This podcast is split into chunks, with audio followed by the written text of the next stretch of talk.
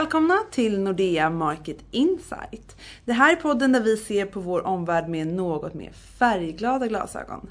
Mitt namn är Victoria Olesen och jag sitter här med de eminenta valutastrategerna Henrik Unell och Martin Enlund. Hej! Tala för dig själv. Hur är läget? Jo, det är ganska bra. Martin, hur är det med dig? Grådaskigt men stabilt. Ja. Vet inte om du pratar om vädret eller om... eh, Det är lite min grej. Ja. Vi spelar in det här poddavsnittet ungefär tre timmar efter Riksbankens julibesked. Inte förvånande så blev utfallet en oförändrad reporänta och även en oförändrad räntebana. Kan inte ni sammanfatta vad det var de kommunicerade och hur marknaden reagerade? Ja, man kan väl säga att eh, Ingves i, sitt, i sin presskonferens sade att solen skiner över den svenska ekonomin. Och det är egentligen den bild som, eh, som man kommunicerat. Det mesta är fantastiskt. Även om, det kommer, även om tillväxttalen bromsar in lite framgent så kommer det fortsätta vara eh, solsken och högsommarvärme för, för, för ekonomin. Um, jag har dock en spaning här och det är att såg vi inte Ingves idag skicka ett annat budskap med sin klädsel än den han sa. Vilket skulle I, då vara? I USA pratar man ibland om Freudian slips och jag frågar mig om Ingves inte hade en freudiansk slips på sig. Ja. Jag noterade slipsen. Ja, den var inte ny. Nej. Så Riksbanken spår alltså nu att inflationen kommer nå 2,5% i början av nästa år. Det är väl långt över målet. Samtidigt som vi ser i alla våra indikatorer att tillväxten ska bromsa in. Då är min fråga om man inte råkar ta på sig den här 70-talsslipsen som en liten hint om att stagflationen kommer. Det, ja, jag gillar den. Jag gillar den spaningen. Men, ja. Efter, efter det här, mer seriöst, efter det här julimötet så känns det lite som att något måste gå åt pipsvängen för att Riksbanken inte ska försöka dutta upp räntan sent i år. Äh, man kan ju oroa sig för Italien, man oroar sig för handelskrig och så vidare.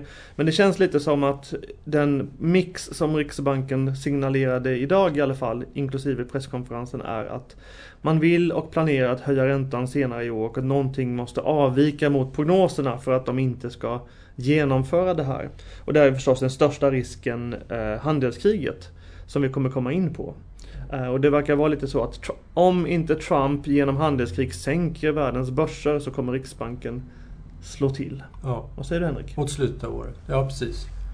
Eh, han fick frågan på presskonferensen till exempel om eh, oenigheten i Riksbanken. Det faktum att, att Henry Olsson och Martin Flodén tycker annorlunda än eh, majoriteten. Varpå Ingves svarar att, att det är bara marginella skillnader dem emellan när det gäller synen på penningpolitiken och hur eh, man avser att, eh, att strama åt densamma. Och då kan man ju tolka det som att ja visst, Flodén vill höja i september, oktober. Riksbanken planerar att höja mot slutet av året. Och Henry har velat höja hela året. Och Henry har velat höja. Mm, vi får se om den här bilden varar när vi har läst Riksbanksprotokollet. För man ska ha med sig det att Riksbanken har ju haft lite olyckor kan man väl säga i kommunikationen i år. Som har skadat eh, tilltron till Riksbanken som institution. I alla fall från ett marknadsperspektiv.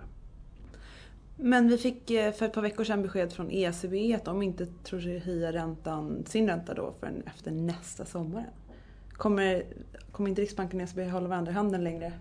Alltså, tidigare så har det alltid låtit så att Riksbanken är fullkomligt skrämd till underkastelse av den här Eh, otäcka institutionen, den här elefanten i Frankfurt som Ingves har kallat ECB. Men i år får man ju ha med sig att, att eh, kronan inte alls utvecklats så som Riksbanken hade tänkt sig. För valutan har, svenska kronan har tappat rätt så mycket trendmässigt månad efter månad. Och anledningen till att Riksbanken har varit rädd för ECB Det är ju för att eh, man är rädd för att få en för stark krona om foten. Ja. Och det har, har man ju inte fått och att det är väl det som gör att man nu tror att man ska kunna avvika lite. Om kronan bara beter sig eh, det vill säga inte stärks så mycket så, så, så kanske man kan dutta upp räntan lite före ECB helt enkelt. Och det, nu har de ju inkorporerat sin, eller ECBs prognos, så som Draghi uttryckte den i juni. Det vill säga att man avser att fortsätta med obligationsköp året ut och sen höja eh, hösten 2019.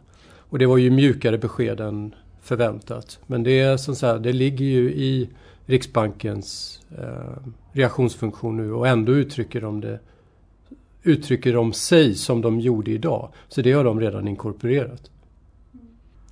Ändrar det här vår bild på Riksbanken någonting? Det gör det nog. Det ändrar definitivt vårt riskscenario. Sen får vi se om vi ändrar vår prognos. Men det gör det nog. Mm.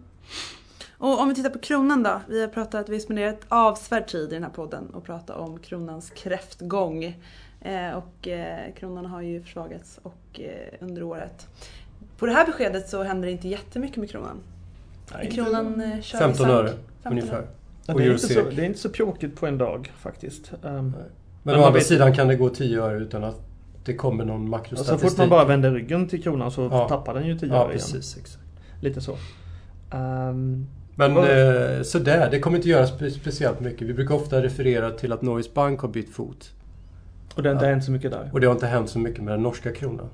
Så att eh, jag tror att Riksbanken sitter med en helt felaktig bild när det gäller deras bedömning om hur kronan skulle bete sig givet att man när man väl byter penningpolitisk fot. Eh, det är andra saker som håller tillbaka kronan i dagsläget mm. än bara penningpolitik. Men vad tror de skulle hända med, med kronan? Och... De tror att den skulle stärkas alldeles förfärligt. Mm. Eller på ett sätt som gör att eh, eh, att, inflation, att inflationsmålet på något sätt utmanas. För det är ju som så att har man en svag krona så kommer den importerade inflationen att öka. Får man en starkare krona så händer det motsatta. En, en ja, alltså Marknaden är ju erkänt svårast av alla marknader att ge sig in på. Så ett, ett tips från coachen här, gör inte det. I någon mån. Men eh, en anledning till att Riksbank, till att kronan är så svag, det är ju för att utlänningar inte riktigt begriper sig på Riksbanken. Det är en anledning och då blir man ju lite mer återhållsam var man placerar sina kulor. I, något, i, en, I ett land där man inte förstår varken finanspolitik eller penningpolitik och oroar sig för annan politik. Det är kanske inte där man stoppar sina förvärvade eurosar eller dollar. Sen är det också så att, att centralbankerna alla centralbanker, eller många centralbanker har ju kört med sådana här QE-program. Och det där är inte så lätt att lista ut exakt hur det påverkar marknader och valutamarknader för den delen. En anledning till kronans svaghet är förmodligen att Riksbanken totalt köper sönder den svenska statsobligationsmarknaden. Och vi har sett i år hur utlänningars innehav av svenska statsobligationer har fallit i en sällan skådad takt. Oerhört kraftigt har den fallit. Och det är naturligt att den faller för Riksbanken köper obligationer. Då måste någon annans andel av obligationsstocken minska. Men just det här QE-paketet plus den ekonomisk-politiska mixen i Sverige har bidragit till att skrämma bort utländska investerare faktiskt. Och det är en anledning till att kronan är, är svag. Och de här, den här effekten från Riksbankens QE-program den kommer ligga kvar åtminstone fram tills februari nästa år. För än så länge så köper Riksbanken mer och mer obligationer varje månad som går. Hela poängen med är precis på det temat som Martin är inne på. Vad, vad, tänk, vad tänker utlänningarna om Sverige? Det är ju att den svenska penningpolitiken har ju fullständigt spårat ur och marknaden visar det genom att sälja kronor. Och utländska kunder som vi pratar med, de vill inte ens diskutera svenska värdepapper innehav av svenska värdepapper. Ett, därför att de förstår inte vår penningpolitik och två, Sverige har helt enkelt en affär, farlig affärsmodell i deras ögon. Hushållens stora lån kombinerat med den här räntekänsligheten som hushållen har via korta löptider, rörliga lån. Samt att svenska banker är beroende av utländsk valuta för sin försörjning. Om inflationen stiger, om det blir en frostnatt på de finansiella marknaderna eller finans-Sandy kommer då kommer alla hålrum fyllas med vatten och dränka dess invånare. ja. Härligt va? Nu säger jag som Ja, men Riksbanken har gigantiska trovärdighetsproblem eh, och, och, på sätt och vis kan jag tycka att det är, det är underbart för att Riksbanken har manipulerat den svenska kronmarknaden och till slut så övergav den Sverige. Och det är priset vi får betala. Och, och Sverige är ju Italien, att jämställa med Italien i termer av att marknaden, precis som i fallet med Italien, ifrågasätter just affärsmodellen. Och det är lättare att uttrycka tvivel på Sverige i kronbenet än det är att göra det i obligationsbenet. Eh, så, som, så som italienarna har råkat ut för. Och det är precis som Martin säger. Eftersom eftersom Riksbanken köper upp större delen av den svenska statsskulden så är det väldigt svårt att skicka in riskpremie i obligationsmarknaden. Så man gör det istället via kronmarknaden. Och, och, och, då signalerar man också att den svenska hittepåekonomin är just en accident waiting to happen. Så jag är inte så säker på att Riksbanken, visst de kan höja i slutet av året, signalera vidare höjningar, men det kommer inte betyda speciellt mycket för eurosek, dollar, sek eller för kronan i stort. Det var en mörk bild där. Men och kan inte de här, kan inte synen på svensk makroekonomi och synen på svensk makromiljö förändras då? Om det är så att man börjar höja räntan igen och man, man liksom... Nej, alltså mark just nu så tror inte jag att mark marknaden närmar sig inte Sverige från det hållet. Alltså, det är ju precis det som har gjort att vi har skrämt bort alla kronkramare sedan tidigare. Därför att man översatte goda svenska nyckeltal till någon form av makrostabilitet. God tillväxt, god sysselsättning, jada jada etc. Men i och med att man blivit slagen på fingrarna hela tiden av den svenska penningpolitiken och av Riksbanken så till slut så säger man nej, nu, nu, nu ger vi upp. Och nu har vi, nu sitter vi med världens största obalans, det vill säga hushållens skuldsättning. Och alla vet att den, det som ska spela ut så småningom, i något tillfälle, det är att eh, vi kommer få en sämre utveckling i svensk ekonomi. Det kan visst vara så att huspriser rör sig sidledes här närmsta tiden. Men vid något tillfälle så måste hushållen börja banta sin belåning och sin skuld. Och när det väl sker, då kommer tillväxten falla, inflationen kommer falla. Och kronan, hör och häpna, kan försvagas ännu mer. Och det är ju det som är det sorgliga. Att vi har bränt allt vårt krut. Vi har minus 50 punkter i reporänta. Vi har den svagaste kronan i mannaminne. Det, är så att säga, det, finns, det finns inga mer finansiella kaniner att dra ur hatten för att den dagen vi behöver dem öka på aktivitetsnivån i svensk ekonomi, för de har vi redan förbrukat. Ja, jag tar andra sidan på Henriks argument och säger att det finns massor kaniner man kan dra ur hatten men alla kommer se väldigt, väldigt konstiga ut och ja. orsaka massa nya problem. Konventionella kaniner. Ja, det finns inga konventionella kaniner kvar. Bara någon slags ja, rymdkaniner möjligtvis. Uh, man skulle kunna sänka räntan till minus två och så vidare. Men det Henrik säger är väl en sån här intressant spaning om nu Riksbanken går vidare och höjer räntan. Vi har ju pratat till exempel om förra året om potentialen att vi får en riskpremie i kronan som har med bomarknaden att göra.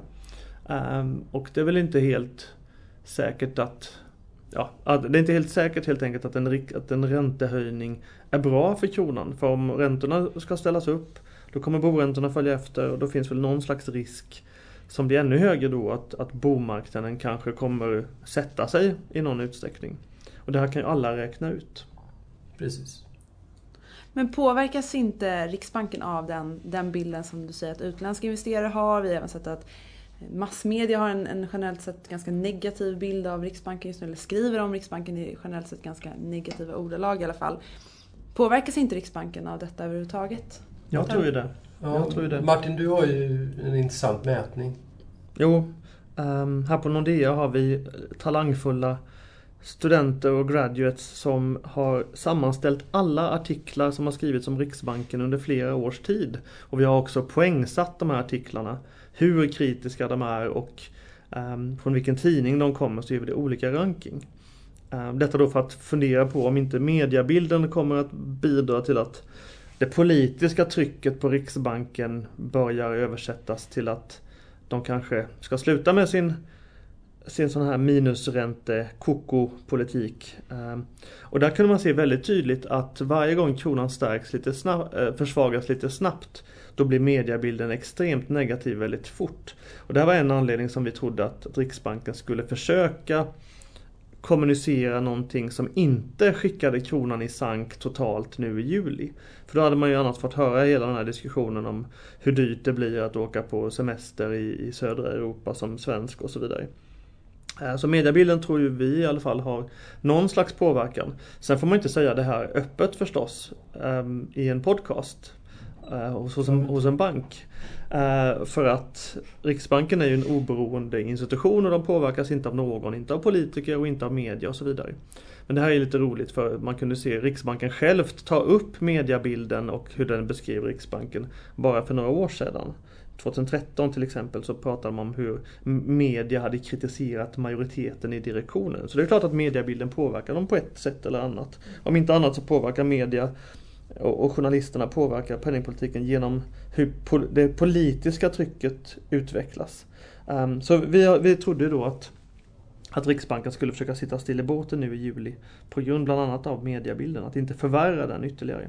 Och sen tror jag att just det här med inflationsmålets brister som vi har pratat om så många gånger i podden och dess konsekvenser, det har nu letat sig in hos de här kreditknarkande svenska hushållen och näringslivet som börjar förstå helt plötsligt att det, de är offren som förs till slakt när kronan och penningvärdet urholkas. Och de där korvörerna som du mot förmodan har kvar efter det att staten och skattmasen konfiskerat större delen av din lön, den köpkraften äts nu upp ytterligare av en skatt. Det vill säga den här devalveringen av kronan. Men samtidigt är det så att om man tittar på i någon sorts bredare mening vad som händer med penningpolitiken så är det ju så att både politiska och ekonomiska institutioner ifrågasätts ju generellt mm. i, det, i det som världen kallar för populism. Och, och, där penningpolitiken egentligen inte är något undantag. Man pratar om inflationsmålets åldrande.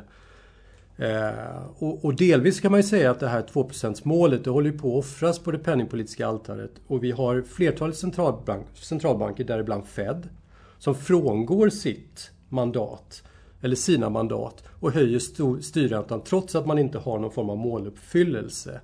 Och det finns andra centralbanker som resonerar exakt på samma vis. Och man har förstått det skadliga med att ha för låga räntor för länge. Och så hittar man alla andra skäl att höja den här. Och just den här spretigheten i penningpolitiken, att olika centralbanker har olika reaktionsfunktion trots att man har ungefär samma konjunkturförutsättningar i något som i grunden ska vara statiskt, vetenskapligt, fast förankrat. Och det stödjer ju det faktum att penningpolitik är ju inte annat än ett särintresse. Det är genompolitiserat, det har en klar agenda och vi ser återigen för svenskt vidkommande den här devalveringspolitiken som vi alltid har levt med och som Per Nuder i DI, vår före detta finansminister i Perssonregeringen, konstaterade att det, han säger så här att det märkligaste är ändå att Ingves inte betraktas som politiker fast han per definition på heltid sysslar med politik. Det är precis det här jag har rapat. Vi har ju redan, vi har ju redan sett, nu låter Henrik lite som Trump skulle vissa kunna påstå. Det vill Henrik dock själv inte kännas vid skulle jag misstänka. Alltså de politiska övervägandena har ju redan synts i vilka och hur man utser medlemmar till direktionen. Ja. Och det är också någonting som vi i marknaden liksom letar efter och funderar på. Hur, och, och, vi ser väl också bevis på det, att vissa ledamöter i direktionen kanske uttrycker sig på ett visst politiskt sätt. På ett sätt som man inte riktigt var varse förr i tiden. Inga namn nämnda, inga namn glömda. Men helt klart så har politiken letat sig in i centralbanker och riskerar ju också göra det i Sverige. Och det är dags nu att börja ändra på det här. Tyvärr är det redan för sent. Man, ja, man kan väl säga att um, en sån här ett sånt här tema för de år vi har framför oss det är att de problem som inte har lösts av byråkrater och teknokrater på ett sätt som folket tycker är bra. De problem kommer lösas av demokratiska krafter. Eh, och det behöver man inte gilla. Och det är de här demokratiska krafterna som man nu kallar för den onda populismen som träder fram. Det är på något sätt ett misstroendevotum mot en politik som har förts på många plan i åtminstone ett decennium. precis. Om man bedriver kredit och valutapolitik på det sättet som Riksbanken har gjort så leder det obenhörligen till de obalanser som vi har skapat i Sverige. Bostadsbyggnadsexplosion etc. etc. Och eh, får man säga ja? Vi ska ju prata för marknaden, men jag är i alla fall trött på de här människorna. Trött på deras moraliska förnumstigheter som belastar mig. Uh, och, och då, precis som Martin säger, populism blir det tragiska svaret och därmed en dödgrävning av den liberala demokratin eftersom den liberala, liberala demokratin inte har lyckats uh, skärma folket. Jag inser nu att när man lyssnar på Henrik och mig så låter det inte som att solen skiner över den svenska ekonomin. Nej. Vi måste ja. byta ämne. Ja. Då gör vi det. Vi går till ett annat glatt ämne då. Eh, våren har handlat väldigt mycket om eh, handelskonflikter och hot om handelskrig. Det är inget glatt ämne så, men ett annat ämne i alla fall. Ehm, det är mindre hot nu och mer verklighet i termer av strafftullar och, och dylikt. Hur illa är dessa handelshinder för eh, världstillväxten? Än så länge så är det ingen fara. Om man uttrycker sig lite spetsigt. Ehm, de varor som omfattas än så länge är inte så mycket helt enkelt. Det är ju som vanligt att, att det kan ju vara en snöboll som har satts i rullning i någon mån. Um, ingen part i det här handelskriget tjänar ju på ett handelskrig skulle man ju säga. Samtidigt sett så, så finns ju då en stark intressent, Vita huset i USA, som vill rubba lite på villkoren i den här internationella handelsjämvikten. Och sättet Trump gör det på kanske inte är det mest friktionslösa. Uh, och det är det här som gör att man inte riktigt vet vart sakerna är på väg. Eh, men en tanke då är att å ena sidan så kan man säga att Trump bara gör det här av förhandlingsskäl. Ett sätt att få fram förhandlingar så måste man ju spela tuffare än vad man är och verka tuffare än vad man är. Och det här verkar ha funkat, eh, det här sättet att se på Donald Trump verkar ha funkat väldigt bra generellt sett. Um, vi har till exempel skrivit om att, att Trump och EU verkar vara i någon slags sånt här klassiskt chicken race. Um, där det är två bilar som kör hastigt mot varandra. Jean-Claude Juncker i EU, chefssommeliären som han kallas av vissa. Han är på väg i raketfart mot Donald Trump som sitter i motsatt Mustang antar jag. Uh, och den som svänger först förlorar. Och, och i ett sånt här spelteoretiskt spel så handlar det om att verka Uh, att troliggöra att man inte kommer svänga genom att verka helt galen. Det lyckas ju Trump rätt ofta med. Eller genom att i det här exemplet med chicken race, att man monterar bort ratten på bilen och sen sätter man fart. Då kan man ju inte svänga. Då måste ju den andra svänga. Uh, så det är ett sätt att se det här förhandlingstekniskt. Problemet är att, att, att man tappar ju ansikte i sitt eget land i någon mån om man svänger. Eh, och det är det här som gör att man vet inte riktigt hur långt det här kan gå. Ehm, det som hände förra veckan var dock att EU verkade Genom att de nu skickar Jean-Claude Juncker till handelsdiskussioner i USA verkar som att EU faktiskt har svängt lite. Så det kan man ta med sig. Men generellt sett, om det nu blir någon slags eh, avmattning i handelskriget mellan EU och USA så betyder inte det här att någonting är över. Trump sa det redan 2011 att han skulle smacka på 25% tullar på kineserna och om det inte räckte och det här skulle han bara göra för att han var en snäll kille. Om de inte skötte sig skulle han smacka på 75% istället. Eh, så han verkar ju mena allvar med att göra det han gick till vals på i någon utsträckning, även om det inte är så lätt. Men vad är syftet? Är syftet att, eh, att liksom ta, göra ordning i, på internationell arena eller syftet att väcka liv i det som kallas rostbältet? Vad är syftet med de här eh, handelstullarna från Trumps sida? Ja, alltså så som så som han enkelt uttrycker sig hela tiden. Det finns ju en poäng att politiker uttrycker sig enkelt, det är för att då begriper man vad de säger. Och han uttrycker det väldigt enkelt och det handlar om USAs handelsunderskott. Och USA konsumerar ju mer än de producerar. Och kan man sluta konsumera mer än man producerar genom att producera mer självt, då är det bra för arbetstillfällena, tänker Trump och hans eh, hantlangare eller hejdukar eller vad man ska säga. Um, jag tror väl att det finns, att man kan göra en historia om det här, att man kanske kan se det här som rationellt från Trumps sida om man ser det från ett fördelningspolitiskt perspektiv. Handelskrig kommer ju förmodligen om det leder till att EU och Kina slår tillbaka hårt. Det blir ju en förlust för alla i det stora. Men det skulle kunna vara så att vissa grupper inom USA skulle kunna bli relativa vinnare. Så att handelskrig kanske går att motivera på det perspektivet. Och i så fall skulle det ju vara eh, i republikanland som vinnarna skulle finnas. Så Gissningsvis. Något sånt. Men det, det intressanta är att hans, det är väldigt spekulativt hans idévärld går stick i stäv mot den idévärld som vi har navigerat efter ända sedan andra världskrigets slut. I princip. Ja. Och han utmanar den. Mm. Det är den här liberala världsordningen ja. som Henrik eh, beskriver. Washington konsensus och så vidare. Det är ju det svajar ju betydligt nu. Men som, vi, ja, som vi tidigare, tidigare sagt i den här podden att handelskrig är ju mer regel än undantag. Och det har ju förekommit under även en etab under etablerade presidenter. Det är bara det att med Trump så har det lyfts fram i ljuset precis som Martin säger. Sen, sen generellt sett, hela den här diskussionen äh, är extremt komplicerad och därför generellt sett debil. Och med det menar jag att om man diskuterar handelsvillkor Man kan egentligen inte sitta och tro att man kan komma till någon slags sanning genom att jämföra Ja, du har 5% tariff på den här varan och vi har 10% på den. Och, alltså, det där säger nästan ingenting om handelsmönstren och handelsvillkoren. Man måste inkludera all tänkbar lagstiftning, alla skatter, till och med arbetstidslagstiftning påverkar ja. hur handeln kommer utvecklas länder emellan. Så man måste inkludera allt. Så det är ett Annars extremt... blir det en halvhjärtad analys. Ja, det blir inte ens halvhjärtat. Nej. Men att slåss mot alla samtidigt, det låter lite som ett eh, klassiskt flerfrontskrig. Brukar man inte förlora sådana? Det beror väl på hur stor man är på något sätt. Ja. USAs militär har ju haft som idé i åtminstone ett decennium att kunna, kunna slåss beslutskraftigt på en arena mot en kvalificerad motståndare samtidigt som, som man håller ett, ett par andra motståndare borta och har, har liksom stabilitet mot dem. Um, och USA är väl det land som skulle kunna liksom lyckas i någon mån med att, med att få lite uh, eftergifter från både EU och Kina på handelsfronten.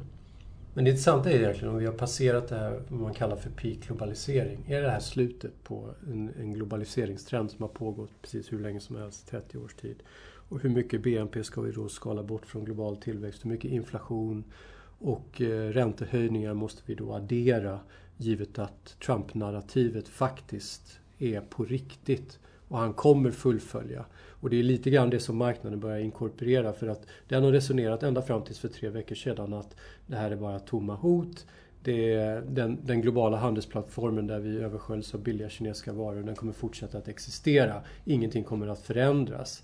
Eh, men sen för tre veckor sedan så började man faktiskt ana att det kan ligga mer i, i det Trump säger. Och eh, man började skicka in lite riskpremier framförallt i aktiemarknaden. Att det här kan gå åt pipsvängen. Men det är ingalunda så att man diskonterar det. Det är fortfarande så att man, att man pratar om en, en ordnad eh, att, att man kommer fram till en ordnad jämvikt så som Martin beskrev det. En ny jämvikt alltså, fast den, om, är, om man den hade, är rimlig. Om man hade fört de här diskussionerna bakom lyckta dörrar så hade det varit mycket mer sannolikt att man hade kunnat kom, komma fram till en ny jämvikt där USA får eftergifter från Kina och EU. Så att alla blir liksom Alltså att Trump blir lite nöjd och de andra blir inte jättemissnöjda. Men givet att det sker för öppen ridå då är ju den här eh, konflikten läbbigare helt enkelt. Mm. Eh, om man ska blicka in i framtiden kan man väl säga att att det man ska hoppas på i någon mån det är ju att börsen sätter sig rejält. Det tror man i alla fall att, att det är något som skulle kunna få Trump att reagera och sluta hota med handelskrig och, och fara fram som den här burdusa figuren. Um, och om du är generellt sett om du är politiker och vill behålla makten i ett land, då vad vill du då? Du vill ha folkets stöd och det vill du ha oavsett om du är diktator eller president eller statsminister. Ehm, och folkets stöd får du ju i någon mån om människorna i ditt land blir rikare. Eller om det blir billigt att tanka bilen. Eller en kombination därav. Så om helt plötsligt amerikaner skulle bli plötsligt fattigare eller om det blir jättedyrt att tanka bilen. Då är det klart att då kanske de här ekonomiska förutsättningarna för att folk ska stötta Trump skulle försvinna i någon utsträckning. Um, och det är också intressant utifrån hur, hur Kina-börsen till exempel och Europabörsen har utvecklats relativt USA-börsen på sistone. För om man tror på den här idén då att, att, en, att börsen är någon slags stämningsmätare på huruvida man vinner ett handelskrig eller inte. Då ser det ju verkligen ut som att USA och Trump vinner handelskriget. Kinas börs är väl ner 20% hittills i år, något sånt där. Och Europas börser, eller EMU-områdets börser går inte sådär jättebra av flera olika skäl. Men handelskrig är ju en anledning. Medan alltså USAs börs håller faktiskt emot väldigt väl. Så än så länge finns det inget tryck för Trump att byta fot utifrån ett börsperspektiv. Sen kommer det ju allt mer uh, indikationer både från USAs centralbank och från bolag i USA uh, eh, där man börjar flagga för att man inte riktigt, rikt, riktigt gillar det Trump um, åstadkommer eller uh, det, det, som sker till följd av Trumps framfart. Till exempel ska Harley Davidson flytta produktion till EU. Det tycker väl inte Trump är något bra, men det gör ju Harley Davidson på grund av EUs tullar. Så det finns många sätt som man som politiker kan erfara påtryckningar. Men utifrån ett börsperspektiv så vinner Trump just nu handelskriget. Så rapportsäsongen som kommer nu kanske är viktigare än vad den någonsin har varit ur det här perspektivet? Ja. Mm. Spännande. Där tror vi att vinstestimaten kommer behöva börja ställas ner, speciellt i USA, för att dollarn kommer sippra in i bolagsanalytikernas estimat för eh, vinster 2019 och 2020. Eh, det här gäller för övrigt både även FANG-aktier för hugade spekulanter. Om 70% av dina intäkter är från utlandet ehm, och dollarn har stärkts 5, 6, 7% då kan du räkna ut ganska lätt hur mycket det här ska kapa eh, från eh, EPS-estimaten 2019 och 2020. Så vi ser med tillförsikt fram emot sänkta vinstprognoser för amerikanska bolag. Det finns så mycket spännande saker att se fram emot den här sommaren och den här hösten. Men jag tror att vi får runda av där. Stort mm. tack till er som har lyssnat och tack till Henrik, tack till Martin. Vi hörs snart igen och tills dess så finner ni oss på imarkets.nordea.com. Vi hörs! Väl funnet Victoria. Adjö! Hej då!